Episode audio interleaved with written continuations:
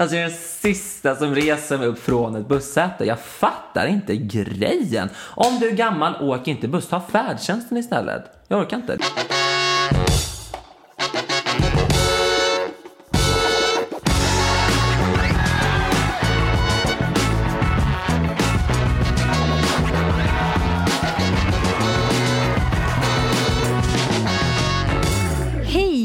Välkomna ska ni vara till Gott Folk, podden där jag, Hanna, sätter svenska profiler i moraliska dilemman. Hur väljer de när inget av valen är att föredra? Och tycker de själva att de är bra personer? Ja, det är lite av frågorna vi ställer oss i den här podden. Och veckans gäst är ju den starkt lysande stjärnan Edvin Törnblom.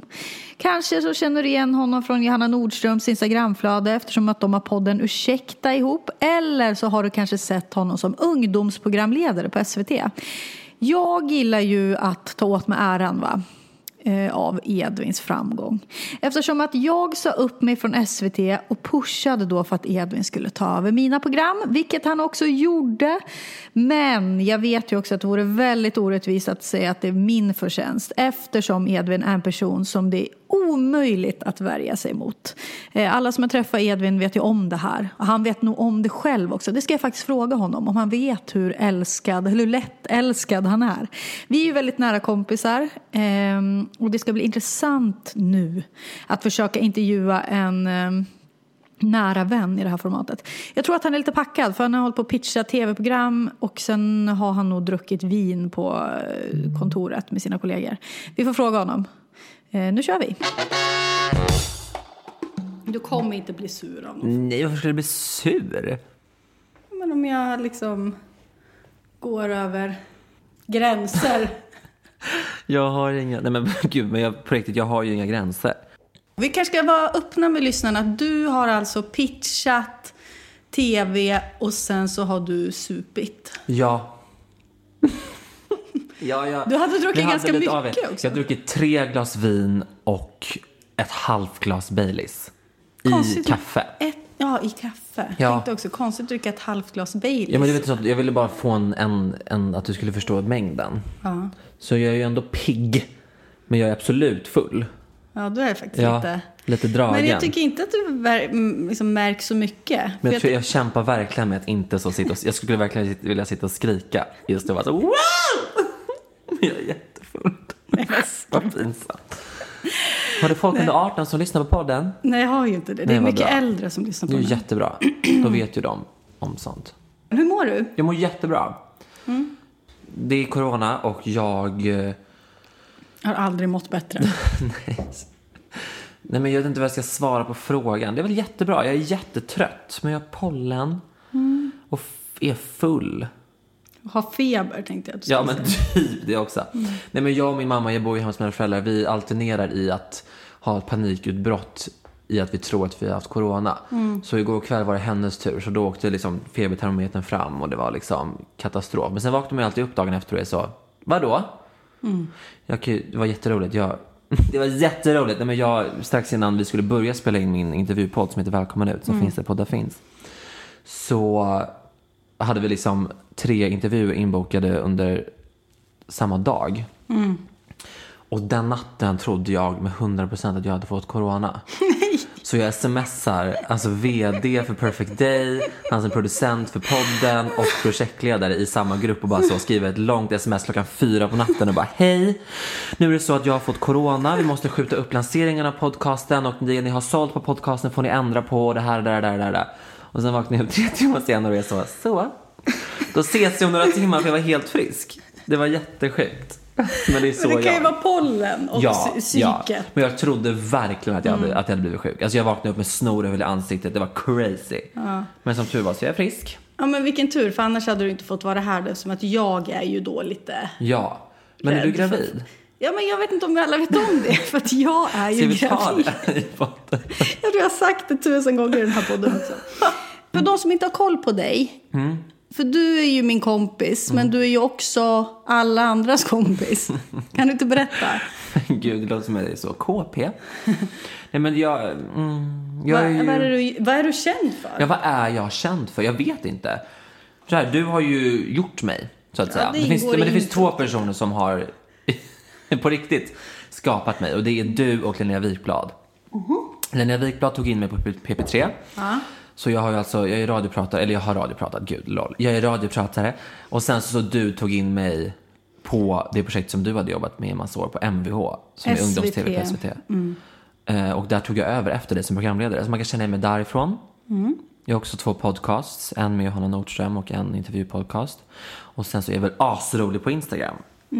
Du är ju väldigt älskad. Jag, jag som känner dig privat vet ju att också att om man tar med dig någonstans till mina andra kompisar så tycker ju du är lätt att tycka om. Folk tycker om dig väldigt Ja, lätt. men har jag inte också bråkat med alla dina kompisar? Vi kommer återkomma till det senare. Jag har inte bråkat med så många av dina vänner. Jag dör. Vi kommer till det. Eh, ja, men, så min fråga är väl, känner du dig älskad? Ja, absolut. Ja, det gör jag. Du vet om att du är lätt att tycka om? Ja, det gör jag verkligen. Men det kommer ju också från att jag inte tyckte det förut i att jag var så, kände mig då, hade dåligt samvete för att vara kompisar med en. Men så gick det till en sån stor överdrift så att jag bara så, ja ja. Alltså så, alltså nu är, ja, så det, ja, så nu gör jag inte det längre. Men vad då? Du hade dåligt samvete för du tyckte inte att du var värd att ha en kompis? Nej men alltså två gånger i livet så har mina lärare behöva bett, alltså de har behövt be folk att umgås med mig i skolan. Första gången var det med en kille som heter Dante Linde som nu är Hovet? med i hovet. Tillsammans med den här youtubern Amanda Exakt, Strand? ja. Och andra gången var det min bästa kompis Paul Ströbeck som fick det uppdraget att, alltså literally, våra, våra lär, vår lärare sa, nu du måste du umgås med Edvin, för han har inga vänner. Och därifrån har jag verkligen tyckt att jag, eh, alltså du vet så jag har varit så, du är ju bara med mig för att du måste, typ, ända upp till liksom, gymnasiet. Men sen i gymnasiet så var det så att jag bara sket det. Du insåg att vänta igen och kul och Mm. Ja, snäll. och att jag är så irriterad på så många andra människor och känner så, om du inte vill umgås med mig, don't do it. Nej men verkligen. Och det är kul med Paul och dig för att ni är fortfarande nära Mm. Ja, vänner. vi har varit vänner sedan 2006 när du var 25 Ja, år då, var ju, hade jag, då var jag två år in i min relation. Nej, på riktigt. Nej, ett år. Ja. Men vi känt, ja, men jag och min bästa kompis Paul har känt varandra i ja, 15 år, 14 år. Det är kul. Fint. Det är kul. Jag kan ju bli väldigt så eh, känslosam och känna mig tårögd och vill börja grina när jag tänker Ja. på att lilla Edvin inte hade några kompisar. Ja, det är så jävla hemskt. Jag gick till biblioteket varje dag själv och hängde med bibliotekarien och körde ett sånt här program. Vad heter det? Sån här man skri... Nej men nu börjar du.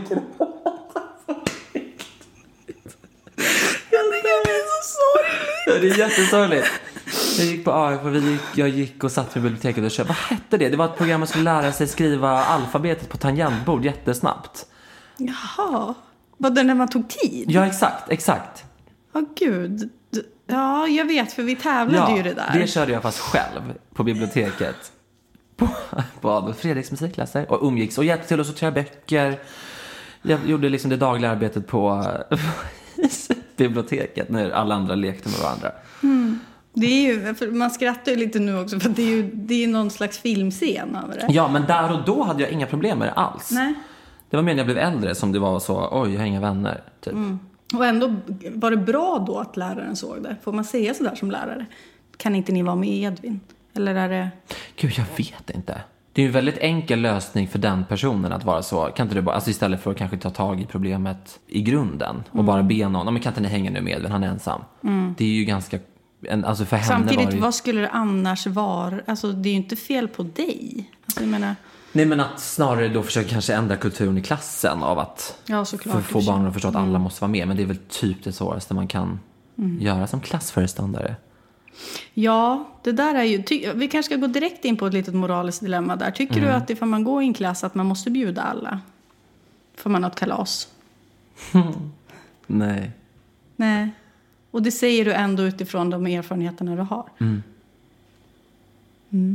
Eller jag, alltså jag tror på riktigt att det där, för det börjar man ju höra mycket nu, att föräldrar, att föräldrarna snarare blir arga av när folk på dagis, när någon på dagis har fest och bjuder alla förutom en, då är det så föräldrarna, nej men kalas, då är det föräldrarna som ligger på Facebook och är så, ha? Min dotter blev inte bjuden till den här festen. Och det är ju, nej men gud vad svårt, det är, nej. Alltså, gud, det klassiska svaret att alla, om man bjuder alla utom en, absolut inte. För då kan man väl lika gärna ha den där äh, sista Konstiga med. Ja, bibliotek. Vattentekskille. Ja, exakt. Ja, alltså verkligen. Men om man så här bjuder, ut några, eller bjuder in några stycken, det är ju verkligen okej. Ja. Alltså verkligen. Tycker du att det är lätt att manipulera människor? ja, det här kommer från att jag funderade på, för att jag vet ju, jag som känner dig tänker ju att du, du vet om att du är älskad. Mm. Men tycker du liksom, vet du hur du ska göra för att liksom Mm. bli omtyckt? Ja! Det är bara att slå på gay-auran. Så har ju typ folk inte så stort val. För då om de, om de visar irritation eller inte tycker om det, då kan man bara dra homofob-kortet. Ja. Nej. Det är som jag inte. och kvinnohat. Men, ja men typ, ja men exakt. Nej men så här. Jag vet, det är ju jätteenkelt. Jag kan ju väldigt lätt få en person att tycka om mig. Absolut. Speciellt så tjejer som är liksom så, som charmas av att ha en bögkompis. För det gör många. Det är också väldigt lätt för folk att folk, få folk att inte tycka om mig. Jättelätt. Och bara vara en bitch. Men alltså så här. Sen är det ju, det är en väldigt typ, jag vet, alltså det finns ju, det finns en typ av person som inte tycker om mig och den har jag väldigt tydligt. Och den kan jag inte säga för det är både hatiskt mot väldigt många grupper i samhället. Men det finns Nu blir en... vi, vi väldigt nyfikna. Alltså menar du att det är så här, det är lesbiska? Nej, bland annat. Nej, absolut inte. Lite. Nej. Det är, det är både män och kvinnor, men som är väldigt mans... Man, vad säger, alltså mans till, man, män, manliga män och manstillvända kvinnor. Ah, okej. De har svårt för det. Ja. För de har, det är väl det här som jag kallar för Fab Freddy-syndromet. I att när Fab Freddy var med i Melodifestivalen så fick han så mycket hat för att han personifierade det som alla hatar. Jag tycker, jag är absolut inte på den sidan, jag tyckte han gjorde ett toppenjobb. Men han personifierade, för han var bög, han var en kvinnlig bög och han var högljudd. Och det personifierar ju någonstans det som alla, som det är det, mest, det, är det värsta man kan vara. Det, det, är en, det är en tydlig vattendelare om inte annat. Ja men precis, exakt, exakt.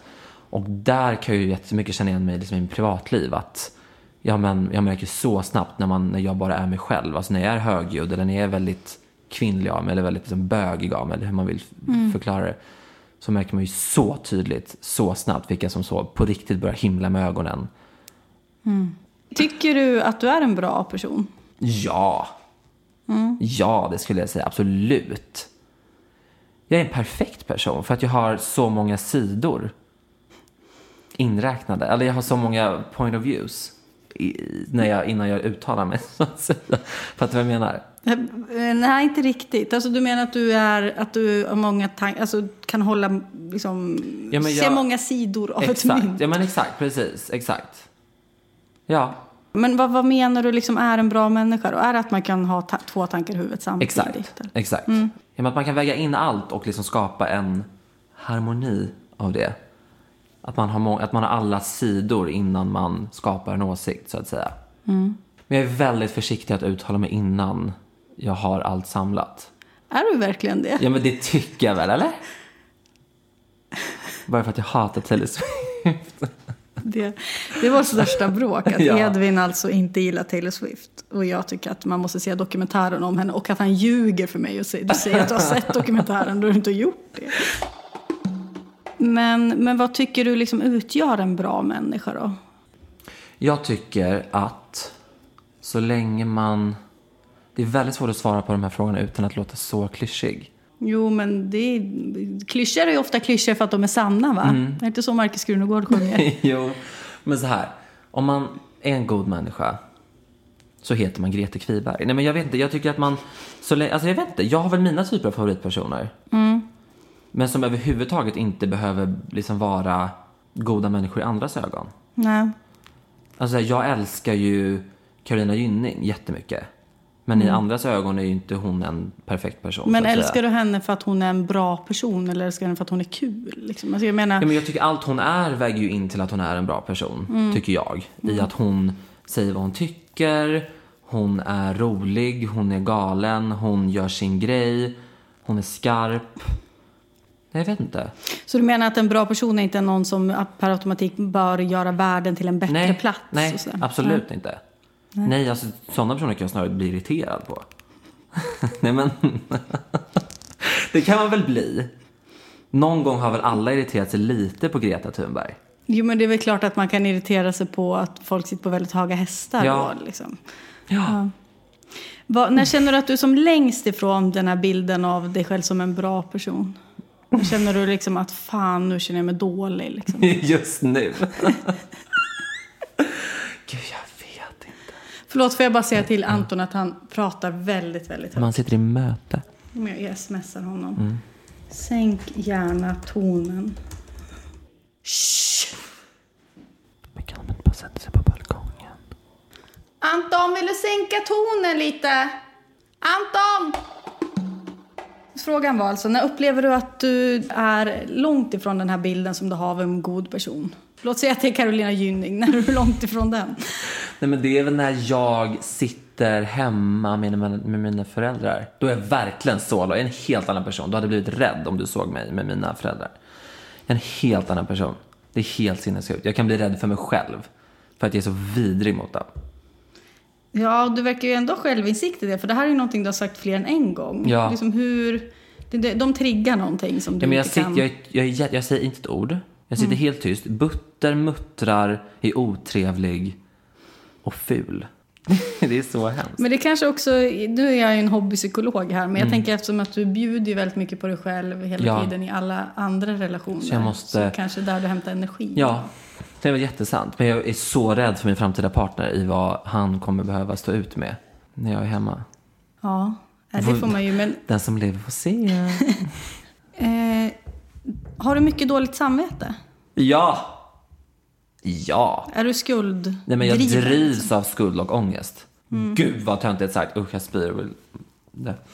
Ja, så fort jag säger någonting så, så ångrar jag det sekunder efteråt och går runt i dagar och tänker på hur den personen reagerar och hur den tar det här och att någonting jag sagt kommer spridas. eh, Inte, det behöver inte ens liksom vara skitsnack utan bara så att jag, typ som att jag, jag nämner ens, någons namn i, podd, i någon av mina poddar. Och bara, fast liksom i ett superpositivt och, och ljust sätt. Men ändå så blir jag så, "Hå! tänk om den personen tolkar det här på det här sättet och blir jättearg, jag blir jätteledsen och blir sur och blir arg. Alltså så, i dagar. Det är det enda jag gör. När ljuger du? Hela tiden. Jag ljög ju för dig nyss. Eller när var det? När jag sa, jo när jag, att jag hade sett Taylor Swift-dokumentären. Ja. Jag ljuger hela tiden. Alltså det är verkligen en, en så jobbig grej. Jag ljuger för allt och alla. Kryddar så mycket. Men krydda måste man få göra, men jag ljuger ju också jättemycket. Jag sa, jag har ju sagt att jag, jag har sagt att jag har sett Sophie's Choice fast jag inte har gjort det.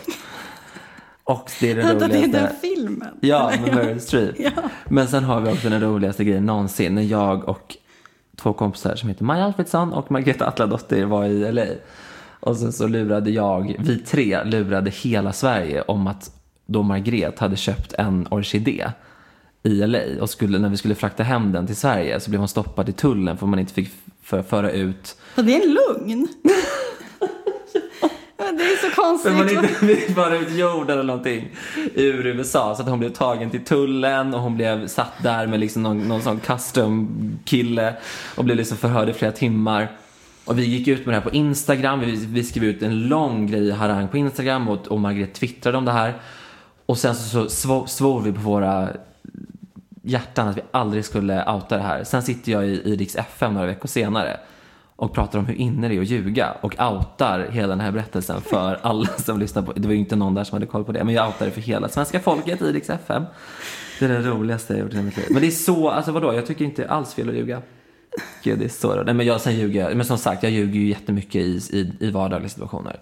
Du ser inte något moraliskt problem att ljuga? Nej. Alltså så länge det inte påverkar andra på ett negativt sätt så är det ju noll problem överhuvudtaget. Är du bra på att förlåta människor?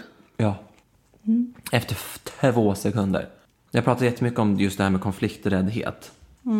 Att jag är så arg att det har fått ett negativt, att det, att det har en negativ klang eller vad man ska säga. Att det är något dåligt med att vara konflikträdd. För jag tycker det är sån stor skillnad på att vara konflikträdd och att inte söka konflikter. För folk som ofta säger att de inte är konflikträdda, folk som skryter med att de inte är konflikträdda, de är ju snarare tvärtom att de på riktigt söker konflikter och vill bråka. De vill bråka med en servitör, de vill, de vill bråka med en, med en kassör, de, vill, de, de söker efter verkligen bråk och konflikter. Eller bråk, men diskussioner. De vill, de vill hugga emot, de, de får någon slags njutning av att hugga emot. Och då får jag ofta stämpeln att jag är konflikträdd. Och det kan jag bara känna så, nej. Det är ju för att jag inte, ett, vill inte bråka. För att det är tråkigt och onödigt och jobbigt. Och då, om det blir ett bråk, så är jag kanske den som då, ja, förlåter, eller vad man säger, och tar ett steg tillbaka istället för att öka på och bara fortsätta bråka. Absolut. Och det ser inte jag som något negativt. Hur, jag tänker det kan ju vara negativt kanske i att man, eh, ifall någon gör en illa. Ja, absolut. Att, och så förlåter man väldigt snabbt och lätt. För att man, Ja, men då får man ju också ta fighterna när det faktiskt betyder. Och då är det inte att vara konflikträdd för att man någon gång inte tar den fighten. Är du själv bra på att be om förlåtelse? Ja, men det tror jag. Ifall du känner att du har gjort fel eller dåligt samvete för något och sådär. Absolut. Gud, det är jag först att göra. Jag tänkte på det. Du är väldigt bra på att säga förlåt. Ja. Du säger förlåt lite för mycket nästan. Just senaste gången, det var bara senast igår med min, min kompis som jag tog ton mot henne på telefon och var så, blev, hon fick ta min irritation på en annan grej. Men då smsade jag på en sekund och sa förlåt att jag hade gjort det. Har du någon i ditt liv som du känner att nej, den här personen kan jag faktiskt inte förlåta? Nej, Nej. vad skulle det vara? Han mördade min mormor. Nej men, Ja, men vissa, jag tänkte, jag intervjuade Josefin Johansson förra veckan och hon hade ju två tydliga som hon kunde inte förlåta. Liksom. oj, men jag tror jag är så ung fortfarande. Ja, du tänker att du kommer vara... Det är kanske lite så här smärta och hjärta. jag. exakt, Det kan ja. vara relations... Nej men så vad har jag varit med om? Det så vad skulle det vara så? En kille som slog mig i åttan, men så här, jag hade väl retat honom innan, eller? Det är väl homofober? De som ville döda mig på Gotland. Som jag hamnade i bråk med på, efter en barkväll. Vi ska återkomma till den Ja, de ville mörda. händelsen. Eh, Det kan vi prata mer om då. Men det, i övrigt har du ingen som du... Nej, men snarare saker som personer som jag fortfarande älskar har gjort är absolut grejer som jag inte kan förlåta dem för. Men jag tycker man, alltså så här, i så fall skulle man vara så ensam om man skulle göra sig bort med andra i livet som man, som har liksom sårat en någon gång. Ja, du menar att du har människor s- som, du Som har älskar som har gjort fel. Men du menar, har du förlåtit de handlingarna? Jag förlåter dem som individer, men jag har inte förlåtit de handlingarna. Nej. Jag, måste, jag tycker man ska se skillnad på handlingar och personer när det kommer till personer som man har, som man liksom älskar, som man har i sin närhet. Som man mm, har varit vän med i massa år. Alltså så här, då måste man kunna se skillnad på att den, den personens handlingar i just det tillfället inte kanske behöver vara den som personens individ så att säga. Eller liksom att det, ja, se skillnad på handling och individ för att sammanfatta. Poddtips från Podplay. I podden Något Kaiko garanterar östgötarna Brutti och jag, Davva, dig en stor dos skratt. Där följer jag pladask för köttätandet igen. Man är lite som en jävla vampyr. Man har fått lite blodsmak och då måste man ha mer. Udda spaningar, fängslande anekdoter och en och annan arg rant.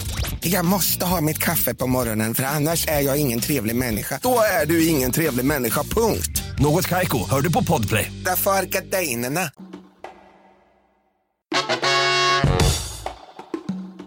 Nu ska vi göra något som heter moralsnabbisen. Jag kommer ställa korta frågor, du får svara hur långt du vill.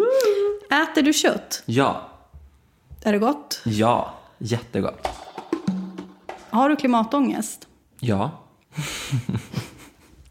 Är det någonting du säger för att du borde säga det? Eller har du klimatångest? Nej, jag har väl såklart, alltså gud, jag är ju del av en generation som verkligen har sen jag var noll år gammal blivit bara så ihop, alltså intryckt, alltså tvångsmatad med miljöångest från nyheter, lärare, alltså ända sedan vi, jag gick i ettan på liksom grundskolan har ju liksom alla projekt man någonsin gjort i skolan, allt man har gjort i skolan har kretsat kring klimatet på något sätt. Så jag skulle jag snarare säga att jag är väl medveten om vad man ska göra som har betydelse gentemot vad som bara kanske snarare är en trend. Så det här med att äta kött, det tror du inte har någon betydelse? Jo, absolut. Jo, det är klart det har. Men det kanske finns andra grejer som till exempel att inte shoppa så mycket kläder, som jag också gör. Men så här, under två år så åkte jag inte utomlands. Av klimatskäl? Ja, och av ekonomiska. Nej, men jag vet, ja det är jätte, nej men gud, så ja det är väl jättedumt att äta kött, I guess. Men jag gör det ändå. Sue me. Källsorterar du?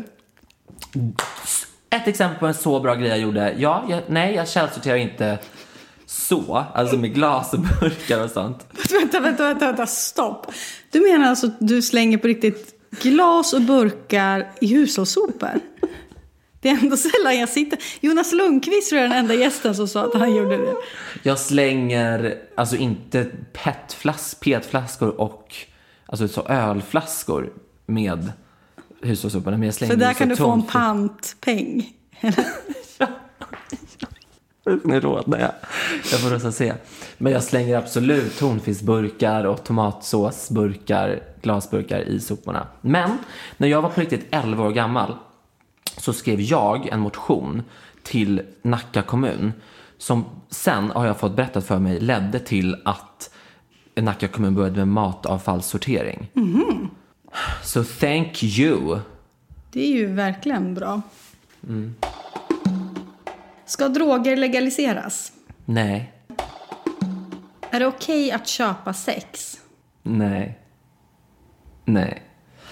Jag tänker på en scen från en Netflix-serie. En film du inte har sett.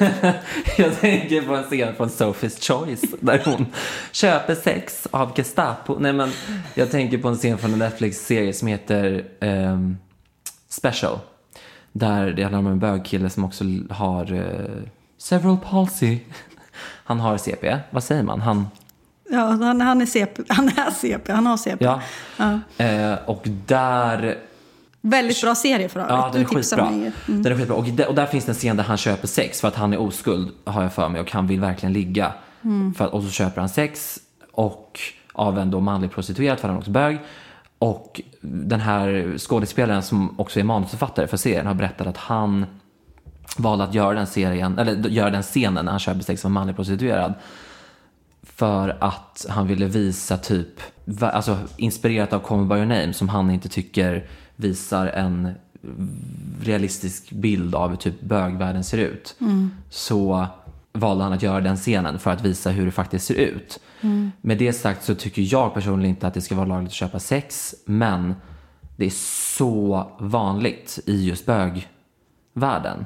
Och det behöver absolut inte bara vara att liksom ett kontantutbyte möter sex, utan det handlar om så mycket andra grejer med liksom folk som lever i relationer där det skiljer med en ekonomisk, ett, ett, ett ekonomiskt utbyte mot att leva med en person och så vidare och så vidare. Någon slags så här sugar daddy Ja men exakt, som är så vanligt. Och jag kan tänka mig, jag är inte så insatt i liksom den världen när det kommer till straighta, men i bögvärlden så är det så vanligt.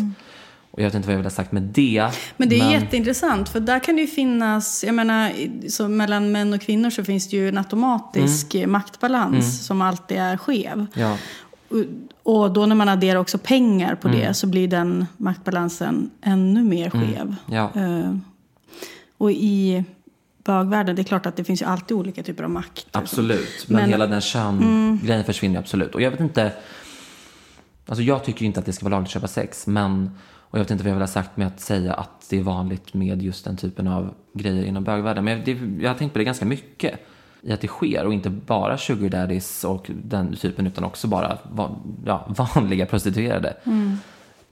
Ja, och för mig som hetero-tjej så är så här, min ingång i det här är ju såklart att jag tänker Lilja Forever och, tänk, och ser också, men så här, jag jobbade lite förut med en Talita-organisation och liksom har haft lite insyn i det där och hur fruktansvärt såklart det är med trafficking och Ja. kvinnor som far illa. Men att på något sätt när man tänker på bögkulturen, att jag där är lite så här, ja, men de säljer Ja. väl, de, alltså att jag har liksom någon mer förlåtande bild. Ja, inte, exakt. Ja, men det är att- exakt, det är exakt samma Det är exakt samma kluvenhet som är inom mig. Att det liksom är Att det känns någonstans bättre. Eller liksom att det inte är, det finns inte det här Ja, men man har ju sett hundratusen dokumentärer om det här liksom att personerna som då säljer sex är väldigt, kan, säger att de, ja men det är mitt val och jag trivs med det här och så vidare. Men sen känner man innerst inne så här, ja men gör du verkligen det? Du vet inte vilken utsatt position du är.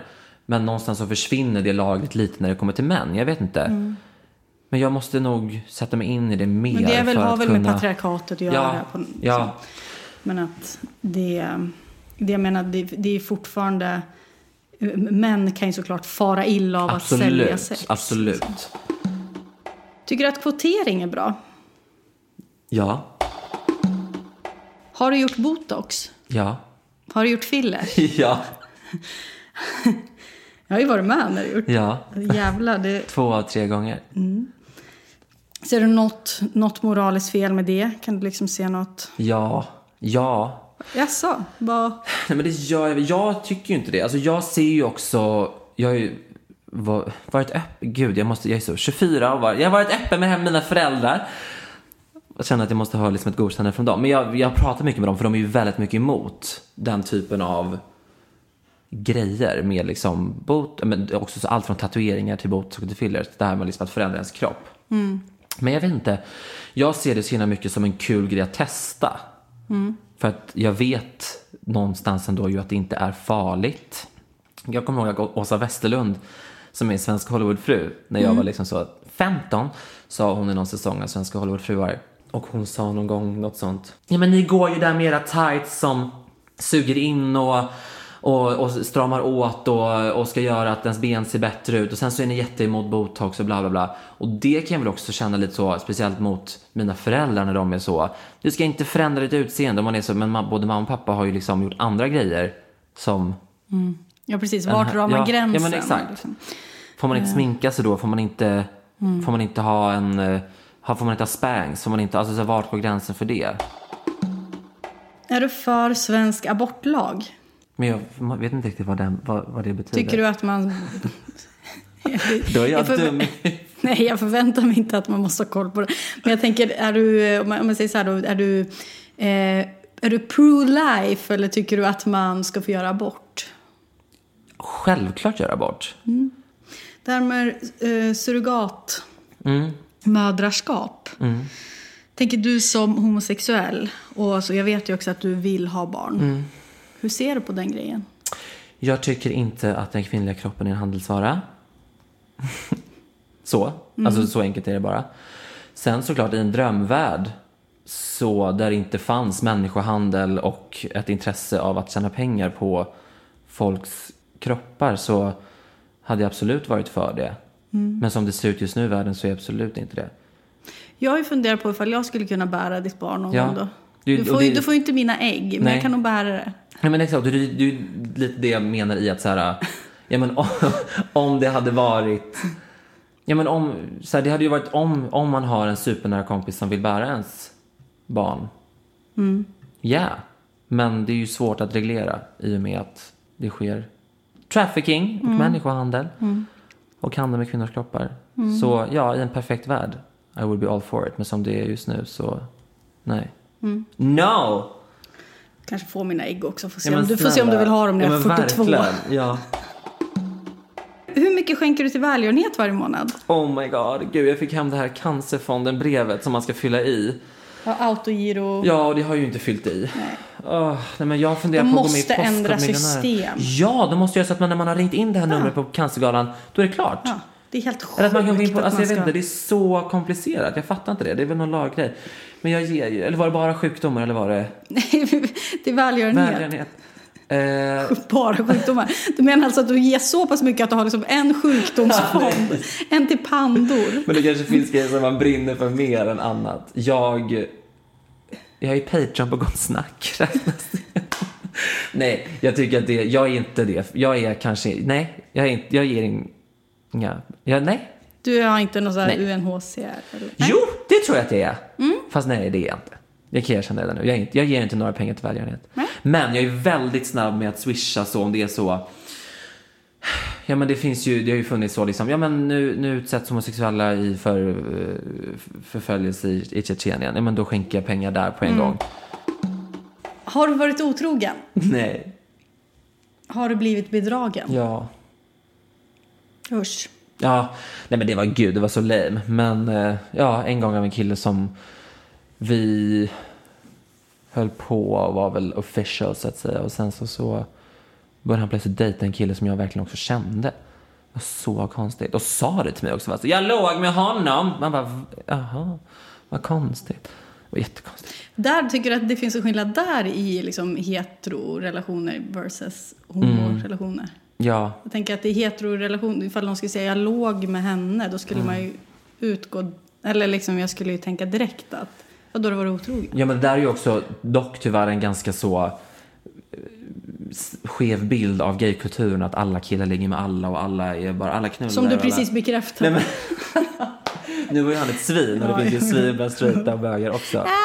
Men, men, så det tycker jag inte. Nej, det tycker jag inte. Sen så här, ja, det finns väl folk som lever i öppna förhållanden som bögar, men det gör ju straighta också. Men jag, eh, nej men han sa också att jag hade, att, att han var, att jag var, hade den minsta penisen som han någonsin legat med. Så jag kände att han var Är det där ditt komplex kommer inte ifrån? en keeper. Nej, nej men den är liten. Så det är liksom, man hade ju rätt, men det är kanske lite elakt. Det är fruktansvärt. Bögar är, bögar är så elaka, det är så skit. Är du uppmärksam och lämnar över ditt bussäte när till exempel äldre eller vi gravida kommer in i en buss? Alltså jag är den sista som reser mig upp från ett bussäte. Jag fattar inte grejen. Om du är gammal, åk inte buss. Ta färdtjänsten istället. Jag orkar inte, det är så sjukt. Och sen så, så jag skulle på riktigt bli så, jag utgår bara från min mamma. Hon hade blivit så jävla ledsen om en tonåring reste sig upp för henne och gav henne platsen. Jag skulle aldrig utsätta en människa för det.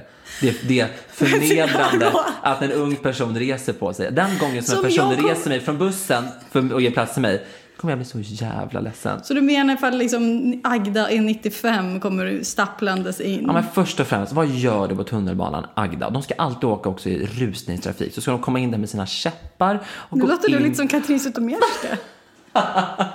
Men de måste sluta röra sig i rusningstrafik. Åk tunnelbanan när det inte är folk. Du kan boka om ditt Men det här, det här läkarbesök. tycker ju inte du. Du sitter ju bara nu och försöker kokettera. Nej, jag Det, tycker jag det. känner ju det, jag vet att du är snäll. Jo, men, jag, men har du frågat någon gång om jag någonsin har rest mig upp för, för människor? Jag, jag, Jag gör inte det. Kanske för gravida. Jag vågar inte säga något annat. Eller för unga som har så kryckor. Men Tänk nej. jag som har foglossning nu och behöver verkligen sitta och jag behöver ta mig då till min barnmorska. Jag ska på bussen och så sitter du där näsan nedtryckt i din Candy Crush eller vad du gör. Vilken fräsch referens. Aktuellt. Nej, men jag, TikTok då? jag, eh, det har nog hänt att jag rest mig upp för gamlingar. Men jag, ty, alltså så här, jag tycker det på riktigt att jag tycker att de kan... Det säger jag alltid till min morfar. Att så här, åk inte buss. Men då, då måste väl du- få finnas i, i samhället precis som dig och mig? Jo, men måste de... Jag vill ju inte, jag må, jag vill inte åka bu, buss eller tunnelbana över rusningstrafik.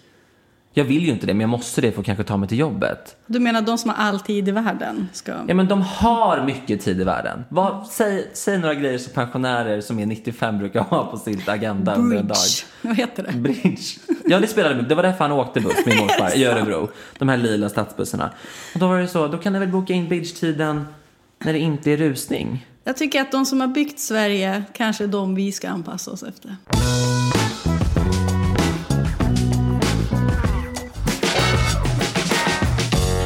Vi har ett segment som heter Vad sa du sa du? Där jag citerar mina gäster. Oj. Och det här är en väldigt ny intervju med dig. Ja, Eh, det det det, kom ut så som ett utskick eh, som Nöjesguiden skickade ut då. Eh, där det var en väldigt intressant bild på dig för övrigt. Det såg ut som att någon hade tagit tag i dig och ställt ner dig. Den är så ful den bilden. Den är så jävla ful. För er som vill se vilken bild jag pratar om så kan ni alltså söka Nöjesguiden Edvin Törnblom så kommer den upp där. Eh, det såg nästan inte ut som du. Jag, jag skrattade jag till. ler så jävla fult. Jag är så ful i håret. Det var efter liksom en podd. Jag hade intervjuat typ tre personer på raken. Jag var ful, svettig, ful i håret. hade haft corona på natten. Ja. ja, men på riktigt. Det var så sjukt. Det var vidrigt. Eh, Men i den intervjun så säger du, eh, du får frågan om eh, diskriminering, eller hur du kom ut. Eh, Och då pratar du om att, du, att det gick smidigt men att du senare i livet har upplevt diskriminering. Citat. Som när tre tidigare misshandelsdömda muskelknuttar försökte misshandla mig efter en utekväll i Fårösund. Det var anti-goals. Och då är min fråga lite så här, vad... Dels kan du få berätta om händelsen, men också är jag lite intresserad av, så här, för jag vet ju att du är bra på att liksom stå upp för dig själv. Jag tänker på när, eh, mot till exempel en kompis till mig, när han sa att ett namn var bögigt. Du var ju inte sen att säga till, liksom, så där säger man inte. Jag tänker, vågar man alltid det och när finns det liksom gränser? Nej, men det är det man inte alltid gör. Det är ju väldigt lätt att vara så. Alltså det är liksom all den här diskrimineringen som man utsätts för som homosexuell eller som andra utsatta grupper. Är ju det här liksom också vardagliga med bara liksom så om man står nära sin kille i tunnelbanetrappen och så vänder sig alla som åker ner, liksom, åker ner. Vi åker upp, de som åker ner med rulltrappan vänder sig om och så verkligen tittar. Det är ju inte askul, så att säga. Och den liksom typ av min-diskriminering är ju hemskt. Och det är väldigt lätt att vara eftersmart, eftertänksam i sådana situationer och vara så att man skulle sagt till, men det gör man ju inte. Och som typ den här gången med på Fårösund när jag höll på att bli misshandlad. Det var jätteläskigt. Alltså det var så, det var obehagligaste jag varit med om i hela mitt liv. Vi var och filmade en tv-serie på Gotland och var ute en kväll efter någon inspelningsdag och var på så lokala krogen i Fårösund som är en sån pyttestad där folk var jättefulla. Det var liksom inte ens säkert, alltså det var liksom, det var ett bageri på dagen men bar på kvällen. Så det var liksom så, de som serverade spriten var liksom Erik 14 och Anna 15 och ingen vaktis till syne. Och så var det några locals som var på plats på den här baren och eh, som började bråka för att jag sa något väl i förbifarten antar jag som de irriterade sig på. Och då går då liksom deras gäng som var kanske tio personer och liksom attackerar vårt sällskap som satt vid ett bord. Och redan där blir liksom stämningen jättejobbig och bara den liksom ut, att bli utsatt framför liksom så kollegor, skådespelare, folk man jobbar med, att liksom bli så utsinglad av tio två meter långa män som skriker åt en att man är äcklig bög. Bara den liksom det, det pinsamma i det gjorde jättemycket. Att säga, men gud, nu blir jag så utsinglad här framför så många människor och blir liksom framför mina kollegor som jag ska vara professionell mot och så vidare.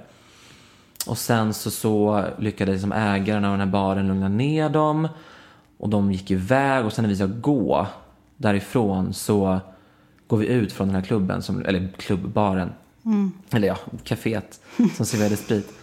Eh, och eh, står utanför och då märker jag liksom att det är någonting i luften.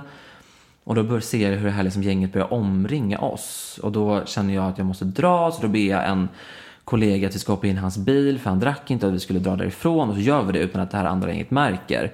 Och sen så när jag har dragit därifrån så hade då, har jag fått berättat för mig i efterhand, då hade det här gänget attackerat då mitt gäng som var kvar och liksom letat efter mig och försökt hitta, vi ska döda den här jävla bögen, vilken jävla bög var det som sa det, vad är det för jävla... Alltså så.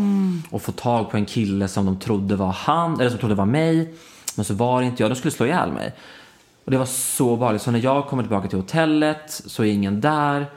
Och så kommer då det här gänget som blev attackerat, som var liksom mitt gäng, kommer tillbaka till hotellet och är så helt upplösningstillstånd. För de hade inte sett vart jag var, de var jätterädda att jag hade blivit, hade försvunnit och det var så obehagligt. Sen dagen efter så fick jag reda på att då tre av de här killarna var tidigare dömda för misshandel. Och hade suttit i fängelse för. Och det var så obehagligt. Och sen, alltså det är verkligen PTSD för mig i att så, här, så fort det blir en hotfull situation så kommer de här liksom jätteobehagliga känslorna tillbaka.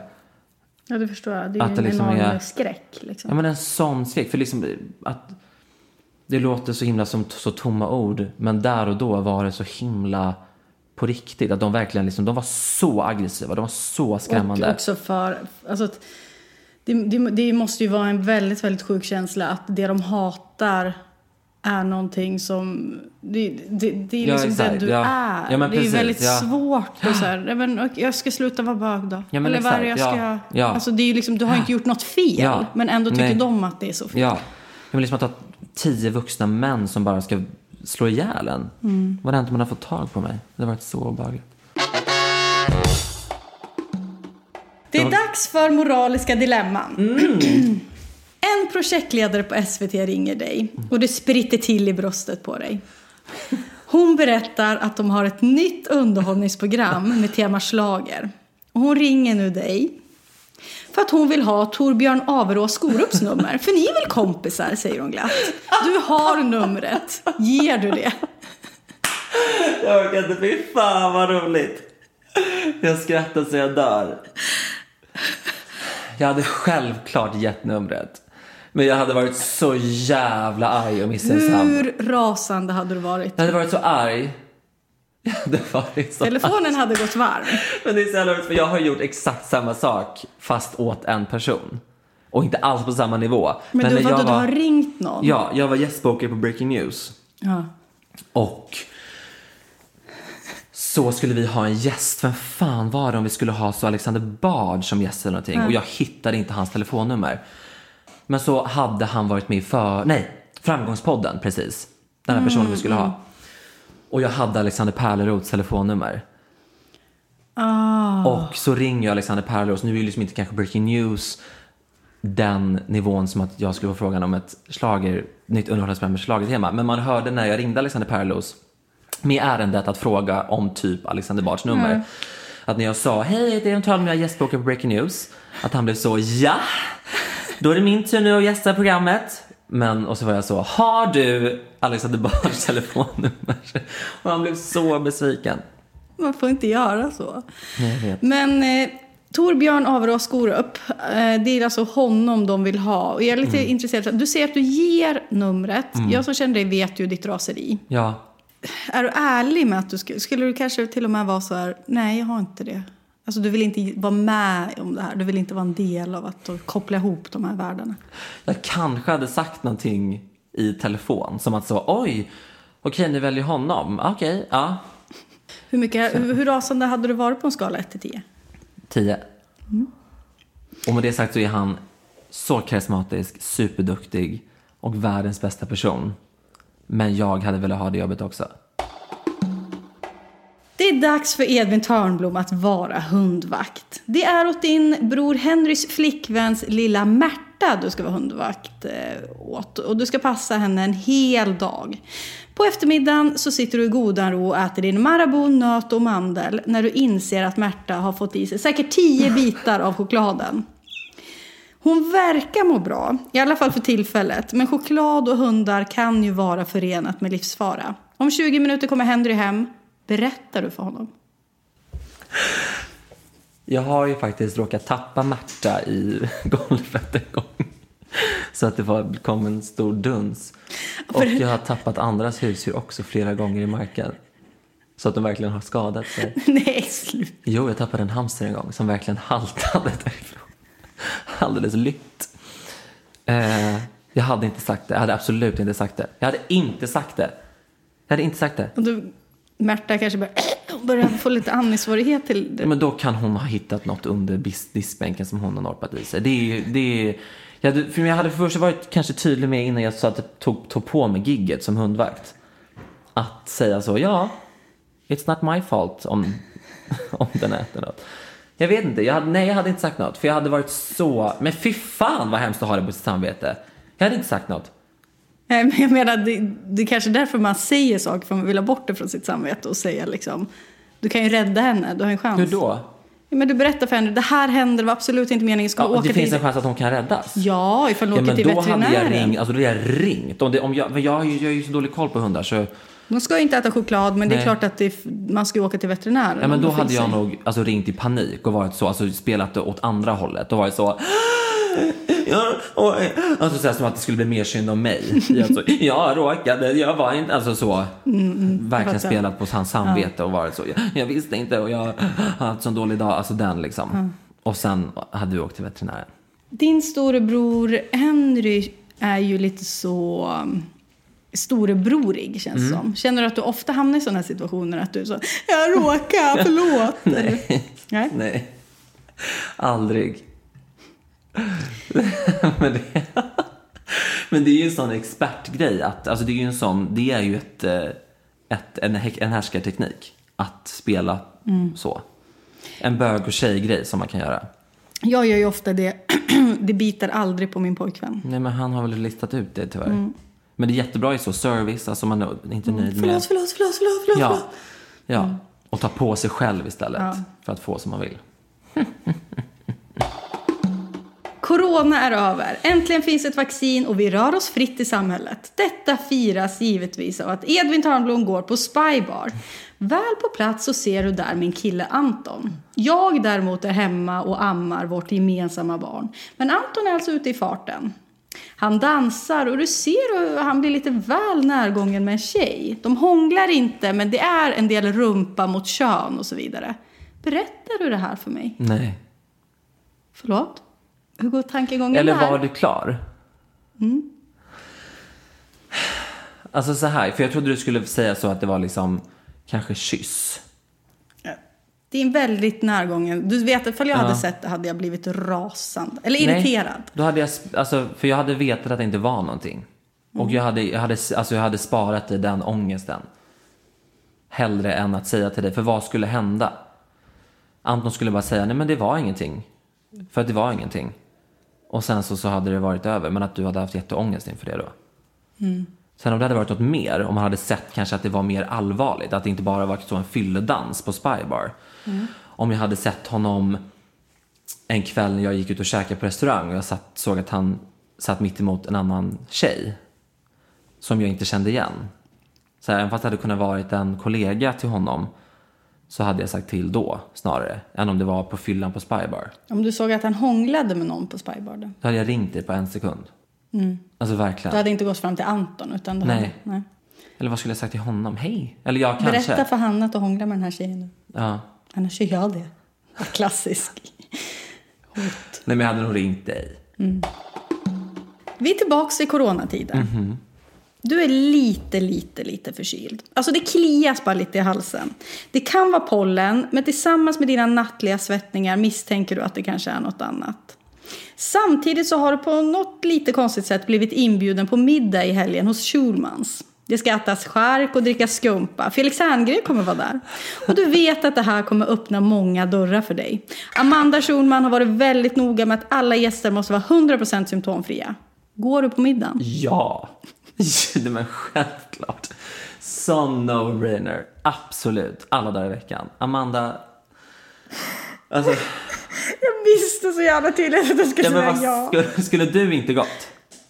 Inte ifall jag skulle kunna smitta folk med corona. Så, ja, men, så här. Hade, om, det, om, min typ, om någon i Eller mitt kanske. hushåll hade varit sjukt, då hade jag inte gått. Mm.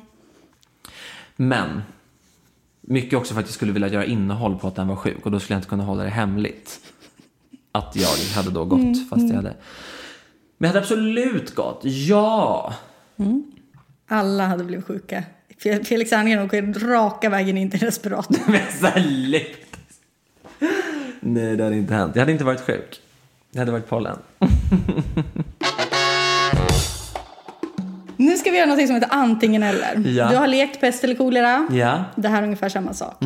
Coop här borta på Gotlandsgatan på Södermalm drabbas av en brand. Och det är en 95-årig skrupplig gammal man som inte hinner räddas i tid. Han dör i sviten av branden. Hatar gamlingar sådär. Right up. Eller så brinner ditt älskade ICA Maxi Nacka ner. Ingen dör, men allting är borta. Jag hade valt att Coop skulle brinna ner för då hade ICA Maxi kunnat bygga upp en ny pilotbutik. Med det nya kundvarvet. Jag märker att du, du verkar inte ens reflektera över att det är en 95-årig man, ett människoliv här som... Det är Men jag som, sa att du skulle välja Coop. ja, men du väljer att det... Ah! Att, förlåt, att Coop, jag missförstod. Ja, alltså Coop ska vara kvar. Förlåt, nu var jag faktiskt för otydlig. ICA Maxi brinner ner för då hade de kunnat bygga en ny fräsch butik med det nya kundvarvet. Okej, ja. Antingen så tvingas du släppa in mig i ditt rum så som det ser ut precis just i denna stund. Ditt rum hemma hos dina föräldrar. Eller så råkar du smitta mig med corona. Det kommer gå bra för mig, jag blir sjuk ungefär två veckor men det är liksom du som smittar mig. Släppa in i mitt rum. Jag skulle inte kunna ha på någon samvete att jag smittade med corona. Du har precis sagt att du skulle gå på Amanda Schulmans middag. Jo men då kan ju, jo men. Alltså om du skulle vara fine med corona. Alltså skulle du Nej, överleva? nej, nej. Ja, jag skulle, vara- jag, skulle, jag skulle vara sjuk i två veckor men jag skulle överleva. Ja Absolut. då, ja men, ja sure. Ja men det kan väl bara vara en upplevelse av corona också. Mm. Antingen så behöver du sitta i ett fängelse för ett brott du inte har begått. Eller så låter du någon annan sitta inne för ett brott som du faktiskt har begått. Det gick någon dokumentär på Uppdrag granskning för några år sedan. När en kvinna satt häktad utan rättegång med fulla restriktioner. Som är Sverige typ ensamt land i världen att man kan sitta häktad utan rättegång jättelänge. Och den berättelsen, och hon, det var lite oklart om hon var skyldig till sitt brott eller inte. Men den, den hennes story fick mig verkligen att få så, alltså jag mådde så dåligt. Så jag vill verkligen inte sitta i fängelse. Tror du bättre att någon annan gör det för någonting som du har gjort? Men vem hade den här andra varit? Alltså så hade det varit en kompis som hade råkat vara på samma Nej, det är plats? någon okänd. Nej, men jag hade väl suttit... Alltså, om jag, men nej, så här. Ja, om jag visste att det var liksom ett tidsbestämt straff. Men jag hade ju inte velat sitta häktad utan framtid. Alltså utan... Ja, det är ju att sitta i fängelse. Du blir dömd för ett brott som du inte har begått. Ja, just det. Du har inte begått Nej, det, så du är oskyldig. Åh. Eller så låter du någon annan sitta. Du, har, du begår ett brott, men någon annan får sona det åt dig. Nej, jag hade nog valt att en person fick sitta mitt brott. Så får jag ju välja att sona på något annat sätt. Gud kommer straffa mig ändå. Antingen så blir dina framtida barn mobbare eller så blir de mobbade. Mobbade. För om jag inte hade blivit mobbad så hade inte jag blivit den otroligt fantastiska människan som jag är idag. Jag har slängt in en liten extra grej här också, en, en slutsak. Som är den här klassiska döda, ligga, gifta. Eh, och då ska du göra den och de alternativen vi har är Hanna Persson, Michaela Hamilton och Johanna Nordström. Mina tre tjejer. Men fy fan vad svårt. Döda, ligga, gifta. Mm. För jag har ju fått reda på också att om man väljer att gifta sig med någon. Det innebär ju inte att man heller också kan ligga med den. nej, nej, nej. Utan det är ju bara att man är gift med den utan att ha sex med den. Nu vill jag inte ha sex alla. med någon av er men. Nu vet ju alla gifta. Oj, men gud! Det är en mobbningslek Ja. mot oss. Kommer du välja att döda mig för att det är lättast? Ja. Du skulle, jag skulle ge minst fysisk motstånd. Nej! Ja, verkligen. Det hade varit så, det hade varit så ett, en timme, eller så en tio minuter. Eller hur skulle, nej men döda dig, ligga med Hamilton och gifta mig med Johanna, tror jag. Men vi vet off mic att det inte skulle vara så. Det är dags att säga hej då. Gud, att min, hela min framtida karriär är förstörd efter alla hemska svar jag Du nämnde ju lite i den här intervjun att du har lätt att få dåligt samvete och sådär. gud. Oh my god, ja. Kommer du gå och grubbla på saker du har sagt nu? Nej, men du kommer ha ett sms cirka 10 sekunder efter jag lämnar din lägenhet. Det är så, klipp bort det här. Har jag sagt någonting som kan uppröra? Jag tror väl kanske att det är lite upprörande att du tycker att man absolut inte ska resa upp för gamla i en buss. Men Nej men verkligen. eh, vad, vad är det du ska göra nu? Just ikväll. Nu så ska jag åka hem och äta min matlåda som jag lagade igår. En bolognese på kalkon eftersom att jag ska bli smal. Ja. Är det någonting du skulle vilja tipsa om? Får man tips om vad man vill? Får man tips om flera grejer? Ja. Jag vill tipsa om att alla ska gå in och lyssna på min podcast Välkommen ut. Jag vill att alla ska lyssna på min podcast Ursäkta. Sen vill jag tipsa om en serie som heter Below Deck. Below... Deck. Okej, finns det låter som att More. blow dick. Below Deck. Vad ska jag säga då? Below deck. Below Deck. Det är en serie som finns på Hej och Simor som är jättebra. Det handlar om livet på lyxjakter. Det är som en blandning av Ex on the beach och typ så Färjan. Det är så roligt. Vilket eh, land är det som Eh, det finns en amerikansk version och så finns det en version som utspelar sig i the Mediterranean. Så finns det en version som de är på en segelbåt. It's hilarious. Sen vill jag tipsa om en serie som finns på HBO som heter Looking. Som är en jättebra serie om homosexuella män som bor i San Francisco. Den är väldigt fin och äkta. Och visar en ganska bra bild av hur det är att leva som homosexuell. 2014 kommer den ut, men 2020 också. Sen vill jag...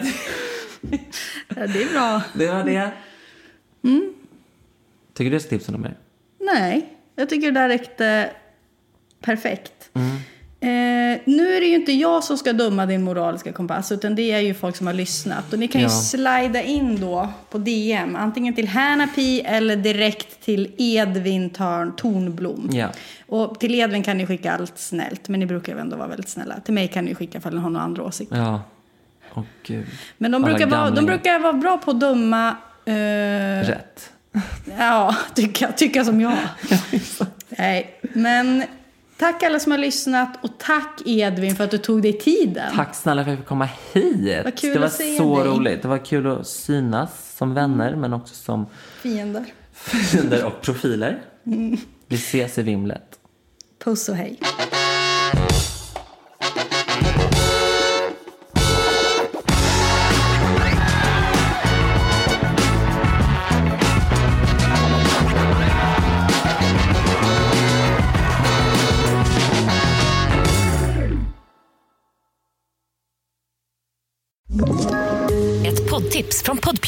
I podden Något Kaiko garanterar östgötarna Brutti och jag, Davva, dig en stor dos skratt. Där följer jag pladask för köttätandet igen. Man är lite som en jävla vampyr. Man har fått lite blodsmak och då måste man ha mer. Udda spaningar, fängslande anekdoter och en och annan arg rant. Jag måste ha mitt kaffe på morgonen för annars är jag ingen trevlig människa. Då är du ingen trevlig människa, punkt. Något Kaiko, hör du på Podplay. Därför arkadeinerna.